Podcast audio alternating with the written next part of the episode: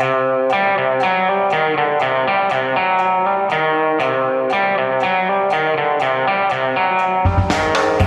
visste jeg at alle disse dagene som kom og gikk, alle disse lukene som skulle åpnes, det var selve julekalenderen. Og vi driver altså og oppsummerer hele det tiåret som har gått. Velkommen tilbake, Hanne Skartveit, politisk redaktør. Du var her i går også. Tusen takk. I går så snakket vi jo, og da vi snakket om 2011, snakket vi selvfølgelig om 22. juli, og, og antagelig det mest skjellsettende året i norsk historie.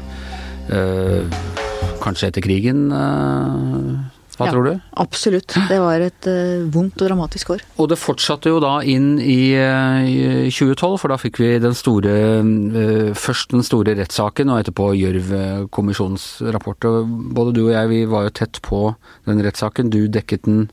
Eh, Du dekket den Du satt her i eh, VG-auditoriet nede, Ja. hvor, den ble, hvor de journalister som ikke fikk plass i rettssalen, satt der. Så jeg satt sammen med bl.a. Roy Jacobsen Ja. og flere andre og så eh, over, direkteoverført fra rettssalen. Og, og jeg satt nede i, i selve retten, og da var det vel sånn ennå at vi delte litt på hva som var i papir og hva som var i Det er rart, det er ikke lenge siden at vi, vi delte litt på hva som var papir og hva som var nett. Og du skrev papir, og jeg skrev for nett. Ja, eh, stemmer. Og den, eh, den rettssaken var jo da virkelig Altså alt det Jens Stoltenberg hadde sagt om at det er test på demokratiet og vi skal møte alt med, med mer demokrati og sånne ting. Den rettssaken ble jo, en, eh, ble jo virkelig den første store testen på det. Ja, og den besto. Det var kanskje en av de få tingene i det norske systemet som virkelig besto hele testen i møte med terroren 22. Og de hadde lagt opp veldig, jeg husker det var eh, De startet med hadde satt sammen en film av hva som foregikk i regjeringskvartalet. Alle overvåkingskameraene rundt som viste det, og ganske lang, men jeg lurer på om den ligger på, på nettet nå, og, og som da eh, kulminerer med denne eksplosjonen. Og eh, Helt forferdelig egentlig å sitte og se det, katastrofen du vet da kommer, og mennesker som passerer tilfeldig forbi og, øh, og sånn. Og så kommer eksplosjonen, og så ja.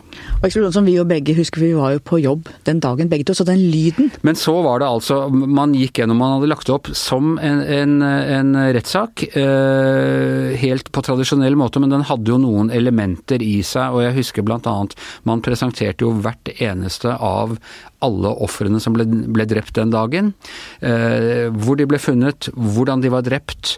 Og så var det et lite minneord som det var vel familien som hadde skrevet liksom som det. Og jeg ser at du blir berørt når vi snakker om det, og det er noe av det sterkeste jeg har vært med på eh, noensinne de dagene i retten hvor vi bare gikk gjennom alle de navnene. Ja, det var helt eh, hjerteskjærende. Og der sitter foreldre og hører på og ser på eh, bildet av sitt barn. Eh, det er tårer. Det er eh, så emosjonelt og så vondt. Ja, men det var vondt for oss som ikke kjente de som var borte, og kan tenke seg hvordan det var for søsken og familie av de som var der. Det var eh, Det sterkeste ved hele den rettssaken var nettopp de minneordene. Og jeg husker at absolutt alle gråt. Dommerne gråt. Eh, aktoratet gråt. Forsvarerne gråt. Eh, pressefolk satt og gråt. De, selvfølgelig gråt alle de pårørende og venner og de nærmeste. Og den eneste som satt der eh, temmelig uberørt, var da drapsmannen selv, terroristen selv. Og jeg husker jeg så, jeg så på blikket hans, det var som en sånn standby, det der standby-lyset på videospilleren. ikke sant? Det er et lys sånn langt inni der som viser at det er, eh, det er liv, men, men ikke noe særlig mer. Han virket totalt uberørt av, eh, av det han hadde gjort. Vi vet jo ikke om han var det, men, men sånn virket det i hvert fall. Og det var jo da eh, liksom, grusomheten virkelig ble så veldig tydelig. Både, som du sier, hans kulde i møte med de andres enorme lidelse. Og var, Dette er jo ikke noe særlig hemmelighet. VG engasjerte seg ganske sterkt i disse Det kom først en psykiatrisk evaluering som sa at han var utilregnelig. Han led av øh, psykotiske vrangforestillinger og visste nærmest da ikke hva han gjorde. Uh, og det ble en kjempediskusjon om dette, fordi det også viste seg at de som hadde tatt imot ham da han ble arrestert, hadde ikke registrert noe sånn. Uh, hun Randi Rosenquist, som hadde evaluert ham hele veien, som også var rettspsykiater, hadde ikke registrert noe sånn. Og det ble en ny evaluering som også konkluderte med at han, altså at han hadde sånn narsissistisk personlighetsforstyrrelse, det man kalte psykopat i gamle dager, men at han altså ikke led av vrangforestillinger.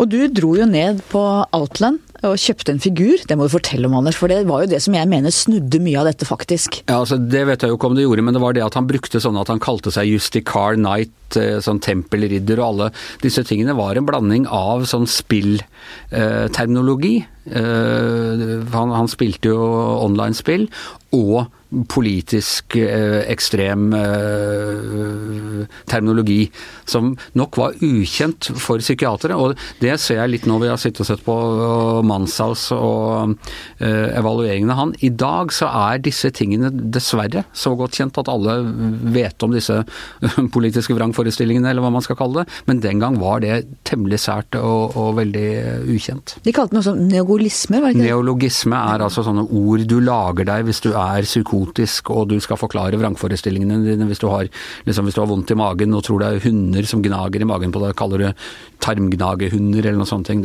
For en av disse neologismene såkalte var en figur som de mente bare var i hans hode, og så dro du ned på Outland og kjøpte den figuren og sa at ja, men den fins faktisk. Ja. Dette er ikke noe sånt. Ja, det var en sånn Justy Car Night. Jeg har, han, har den stående ennå. Og det ble en stor diskusjon hvor eh, Riksadvokaten jo opprettholdt eh, sitt syn, og så ble det en alternativ en ny tilstandsrapport eller en ny eh, tilregnelsesrapport etter alt dette som slo fast en helt annen konklusjon. og Det tror jeg var utrolig viktig. Og, men det som jo egentlig skjedde, var vel at de satte på en måte alt, og det syns jeg kanskje var det aller viktigste. De satte alt dette til side, og så avgjorde de det retten, mm. rett og slett. Og sa at nei, han er ansvarlig for, for disse handlingene. Og det som var eh. vårt argument den gangen, var at hvis du sier at det å gjøre en sånn handling i seg selv er et uttrykk for galskap, da sier du at ondskap er det samme som galskap, og da på en måte frakjenner du en person som gjør noe så grusomt, sin tilregnelighet i kraft av det han gjør. Ja. Og det blir jo helt feil. Husker jeg var i en rettssak like etterpå, i samme rettssal, med en um, fra Rwanda som var tiltalt for å ha bidratt til, bidratt til å ha drept 1000 uh, stykker. Det var ingen som snakket om han var utilregnelig eller ikke, så det, det, er jo litt sånn Det var litt vanskelig å si at noe som var så, så nær oss. Men ja, du sa vi besto prøven der, men Eh, så kom Gjørv-kommisjonens rapport eh, på høsten eh, etterpå, og der konkluderte de at Norge ikke hadde bestått prøven. Ja, Det var jo en katastrofe. Det var jo en, en forferdelig dom over hele norsk beredskap. Bortsett fra helsevesenet som på en måte fikk godkjent, men politiet Det var altså Alt hadde gått galt, og også forberedelsene. Hvordan man ikke var forberedt på terror i det hele tatt. Man hadde ikke stengt Grubbegata. Det virker helt utrolig i dag hvordan han bare kunne kjøre, hvem som helst kunne kjøre og parkere en bombe rett i, under statsministerens uh, kontor, liksom. Og når først tragedien skjedde på Utøya, hvor lang tid det tok, hvor lenge han fikk holde på å skyte. Um, det var en knusende dom over norsk beredskap, også over regjeringen og ansvarlige politikere som ikke hadde gjort jobben sin gjennom mange, mange år. Og da eh, skrev vi på lederplass at statsministeren måtte ta ansvaret og gå av. Ja, vi ga han det råd at han burde trekke seg. Ja, Og det, det ingen, var det ingen andre som gjorde? Nei, i hvert fall ingen av de store riksdekkende avisene. Tror du, altså du er selvfølgelig, selvfølgelig eh, personlig eh, preget av ditt personlige syn her, men, men tror du at det ville vært Altså at vi da ennå var såpass preget av det som hadde skjedd. At man på en måte ingen ønsket det av mer sånn emosjonelle grunner at uh, statsministeren skulle gå. Det var et angrep mot Arbeiderpartiet, mot Arbeiderpartiets yngste. At det var, at det var, de, at det var de elementene som spilte inn.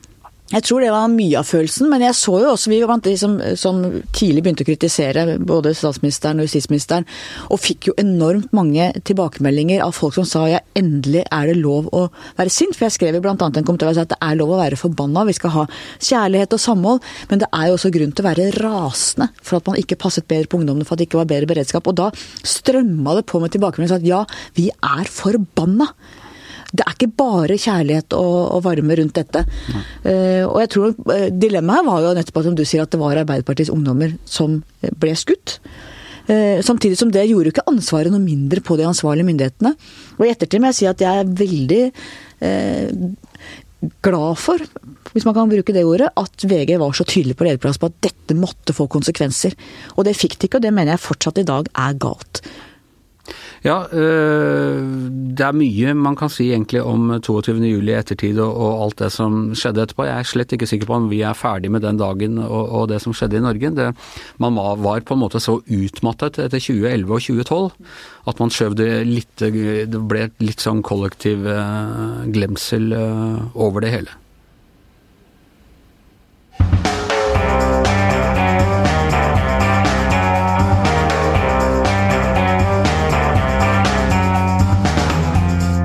Ja, 2013 vil jeg sitte og gått gjennom gått gjennom årene nå for å finne ut akkurat hvilke ting vi skal velge ut. Hva, hva preget nyhetsåret. Jeg må nok si at 2013 var av de mindre dramatiske årene i et tiår som har vært ganske dramatisk.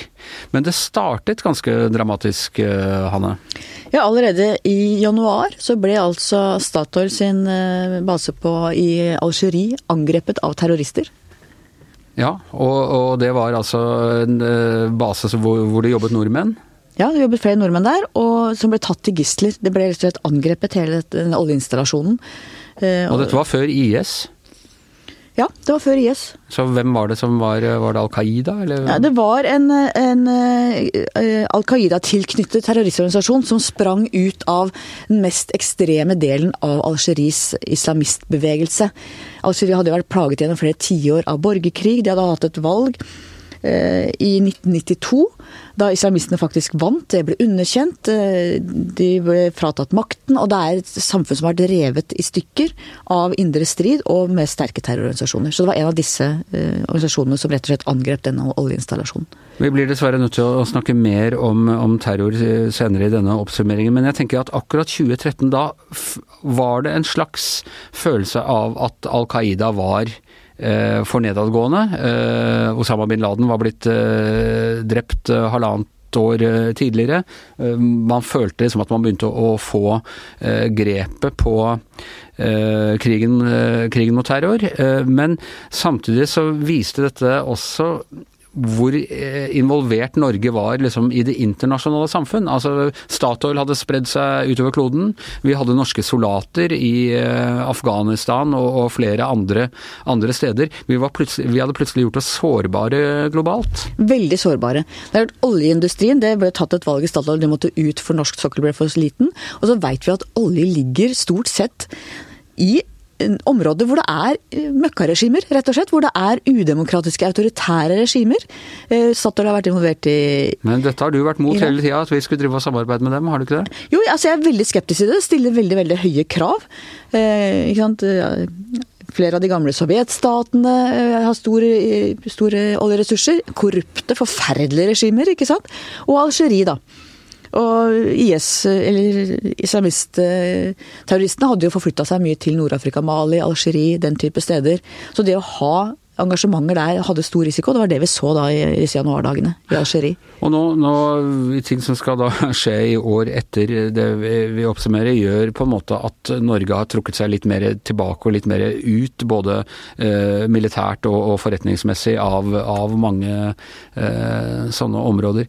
Har det Gapte vi over for mye en stund i, vår, liksom, i den norske ideen om at vi kan frelse verden, ikke bare som fredsmeglere, men uh, norsk oljeindustri skal lære å liksom, spre ren teknologi, og, og norske soldater skal, kan, kan liksom tvangsinnføre demokratiet? Var dette en, um, var dette en litt for luftig drøm? Både ja og nei, for mye av dette utenlandsengasjementet handla jo også om at vi som Nato-allierte måtte stille opp i de operasjonene som var den gangen. Og du hadde jo hele etteraksen etter 11.9. i USA, ikke sant? hvor man gikk inn i Afghanistan. Den eneste gangen artikkel 5 har vært utløst, har vært hensyn til USA. Den som er i Nato at hvis et angrep på en av alliansens ja. medlemmer er et angrep på oss alle?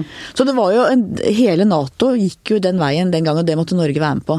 Samtidig når det gjelder Statoils internasjonale engasjement, så har det også vist seg at de har tapt veldig mye penger på det. Det har vært mye om det nå i det siste. Flere hundre milliarder kroner. Men vi gapte nok over mye, ja. Men det, ikke, det, er ikke sikkert det var uunngåelig heller, det er mulig vi bare måtte. Det var på en måte, hva skal du si, globalismens siste dager. Mye, mye har skjedd etter det. Hvis vi ser på Norge det året, må si den helt suverent største nyhetssaken i Norge sånn sett, det var at vi fikk et holdt på å si regimeskifte, for nå var jeg litt inne i den teknologien. vi fikk et regjeringsskifte i, i, på, på høsten. Uh, Jens Stoltenberg, meget personlig populær uh, statsminister, en av de mest populære vi har hatt. Senere da gått inn og blitt generalsekretær i Nato, og der blir han bare sittende, for alle er så fornøyd med han. Men han tapte altså valget i 2013, uh, to år etter at han liksom samlet nasjonen etter, etter terrorangrepet og sånne ting. Hva var det som skjedde med Jens Stoltenberg og hans regjering på, på de årene? Kortversjonen er regjeringsslitasje. De hadde sittet i åtte åtte år med flertallsregjering. Og en flertallsregjering betyr at alt avgjøres på bakrommet. Du får veldig lite si, partiprofil fram, for de må spise seg gjennom og finne fram til kompromisser som alle de tre, Senterpartiet, SV og Arbeiderpartiet, kunne leve med. Og som jo er tre ganske forskjellige partier, tross alt. Veldig forskjellige partier, ikke sant. Så at Arbeiderpartiet mista mye av partiprofilen. Og så tror jeg folk var litt lei, tross alt. Det var litt sånn jo jo. Litt det samme som en Gro Harlem Brundtland sitter, som var eh, populær statsminister og scora høyt på sånn personlighetsskåringer. Men det ga seg ikke alltid uttelling for Arbeiderpartiet. Men Gro Harlem Brundtland tapte vel strengt tatt eh, omtrent alle valgene og kom tilbake av ja, liksom litt mer sånn parlamentariske situasjonsårsaker. Jens Stoltenberg vant jo to valg relativt suverent, ikke med så store tall, for det, dette var samlingsregjeringer og ikke eller samarbeidsregjeringer og ikke rene flertallsregjeringer. Men ma ma mange var ganske overrasket over at han eh, likevel skulle tape sånn? Ja, han var nok kanskje overraska sjøl òg. Eh, men det var nok slitasjen både hos han og hos regjeringspartnerne. Særlig SV hadde jo lidd veldig under å være sammen med Arbeiderpartiet. Og vi var jo flere som tenkte at nå er SV litt ferdig. Så jeg skrev før, eh, før de gikk inn i regjering, så skrev jeg hvorfor gjør Arbeiderpartiet dette? Hvorfor vil Arbeiderpartiet ha med SV i en sånn konstellasjon? Da de begynte å snakke om det, om den flertallsregjeringen, så lå jo SV veldig, veldig høyt. Ja. Da skrev jeg gamle slagordet 'If you can't beat them, join them'. Gjorde ja. om til 'If you can't beat them, eat them'. Ja. Og det var jo det som på en måte skjedde gjennom de årene, at Arbeiderpartiet spiste jo opp mye av SV. Og vi var vel, både du og jeg trodde vel kanskje at nå var SV litt Jeg, jeg trodde sosialismen var død to år før, før det allerede, så, så Men det er jo først nå den virkelig har begynt å, begynt å gjøre comeback. Men altså, den valgnatten husker jeg Altså, én ting jeg husker veldig godt der, det var hvordan Roar Hagen, vår, vår eminente og tegner, dekket hele greia. Fordi de kjørte ganske tidlig i valgkampen en sånn eh, at Jens Stoltenberg var ute og kjørte drosje. Skulle vise hvor folkelig han var. Eh, så han eh, kjørte rundt og plukka opp folk og diskuterte politikk med dem. Var fiffig eh, laga, det var vel hans gode venn Kjetil Try. Klassisk Kjetil Try-grep. Ja, Viste liksom Jens på sitt mest folkelige og, og, hvor godt han kommer i kontakt med folk og sånn. Så, så, Roar begynte da først å tegne Jens da fast som drosjesjåfør, og så var det noen damer som Unnskyld, det er ikke pent å le, men jeg hadde, mente hun hadde fått noen nakkesleng av å sitte på i den der drosjen hans. Så da får utstyrer Roar ham med sånn Jens med sånn nakkeslengkrage. Han kjører videre gjennom valgkampen. Og så siste natten da Erna altså har vunnet valget, eh, sammen med eh, Fremskrittspartiet, så er det bildet at hun kommer ut fra Stortinget, setter seg bak i drosjen hvor Jens sitter som sjåfør med nakkeslengskaden og sier 'kjør meg til Slottet'. Og det er på, føler jeg er en av de bedre sånne oppsummeringer av en valgkamp vi noen gang har hatt, hvis vi skal ha den som tegneserie. Liksom. Ja, Og så hadde du den legendariske Siv, da. 'Morna, Jens'! Ja, det var også en kraftig, og der var jeg faktisk. Og det er sånn øyeblikk hvor du er til stede på noe, og du skjønner ikke egentlig hvor kraftig det var. Fordi når man sto der, eh, så opplevdes det ikke som så, for da roper du ut til masse folk, og de har drukket litt, og det er, det er god stemning og sånn. Så høres det helt annerledes ut. For på TV så så det helt utrolig brutalt ut. Ja, det var massivt på TV. Jeg så det på TV og tenkte ops, det var heftig. Hun har angra på det, har hun ikke det? Hun har ikke sagt noe om at hun, jo, at hun skulle ha vist litt større raushet eller, ja. eller, sånne ting? Ja. Det er jo hva være Churchill sa? I, i uh, nederlag, ydmykhet, i seier, storsinn, eller noe ja. sånt. Altså du, når du vinner, så bør du være raus mot den du har slått. Hun har i hvert fall garantert sin egen farvelhilsen, Morna Jensen, når den tid kommer. Og hva er din dom som politisk redaktør over den blå-blå regjeringen som etter hvert har fått med seg litt eh, gult og grønt og sånn også? Jeg tror vi nærmer oss veldig regjeringsslitasje igjen. Det skal veldig mye til for at de klarer mer enn åtte år i regjering. Men det er ganske imponerende hvordan de har holdt sammen. Og, og nå, har, nå, sliter Fremskrittspartiet. Men øh, det var jo mange som trodde at det, de ville lide akkurat samme skjebne som SV. Ja, jeg trodde det, ja. og skrev det. Ja. Flere ganger. Ja. Og Siv Jensen har vært ganske flink til det der. Å klare Altså hun har holdt noen sånne Sylvi Listhaug-figurer og sånne ting som har fått lov til å, å boltre seg. Dermed ganske godt klart å holde på, på de mer uromomentene i partiet. Ja, jeg vil jo si at Siv Jensen er en av våre dyktigste politikere. Eh, hun har klart den balansen mellom å holde urokråkene innafor og gjøre Fremskrittspartiet om til et ansvarlig regjeringsparti, som til og med sitter med finansministeren og styrer norsk økonomi. Ja, for det er det også. Hun har jo hatt en veldig tilbaketrukket eh, rolle her, på en måte. Samtidig som hun har kanskje den med mest makt i hele regjeringa. Ja, hun har vært en veldig ansvarlig og veldig lykkelig, tror jeg, finansminister. Jeg tror hun elsker finansministerjobben, kanskje mer enn partiledervervet også. Eh, men hun har da også klart å opprettholde Frp som det litt sånn opposisjonelle rampepartiet. Ja. Og før vi roser dem for mye, så må vi si at de må ha satt verdensrekord i antall justisministre på Ja, uff a meg, det er helt mange er de hatt? 25 eller noe sånt? Noe sånt, ja. Nærmere 100. Ja. Eh, Så det har jo også vært eh, Har jo vist at helt strigla er ikke det partiet blitt. Nei. Men du tror, ikke, du tror ikke de overlever eh, neste valg? Nei, det skal mye til. Men det blir jo eh, veldig interessant da hvordan, hvis Senterpartiet holder seg på den størrelsen de har, hvis det, og Arbeiderpartiet fortsetter å gå nedover, hvis de to er omtrent like store, så blir det jo utrolig interessant både regjeringsforhandlinger og regjering etter neste valg. Ja. Det kan bli tøft for Ja. mange. Det blir eh, Senterpartiet med ren flertallsregjering nå i de to neste stortingsperiodene. Det skal bli interessant å oppsummere det om ti år. Vi er ferdig med oppsummeringen eh, for i dag. Men eh, sjekk oss ut også i morgen, hvor vi skal ta for oss årene 2014 og 2015, og hva som skjedde da. I studio i dag, Anders Skjever og Hanne Skartvedt. Og bak spakene, som vanlig, vår nyttårsprofet Magne Antonsen.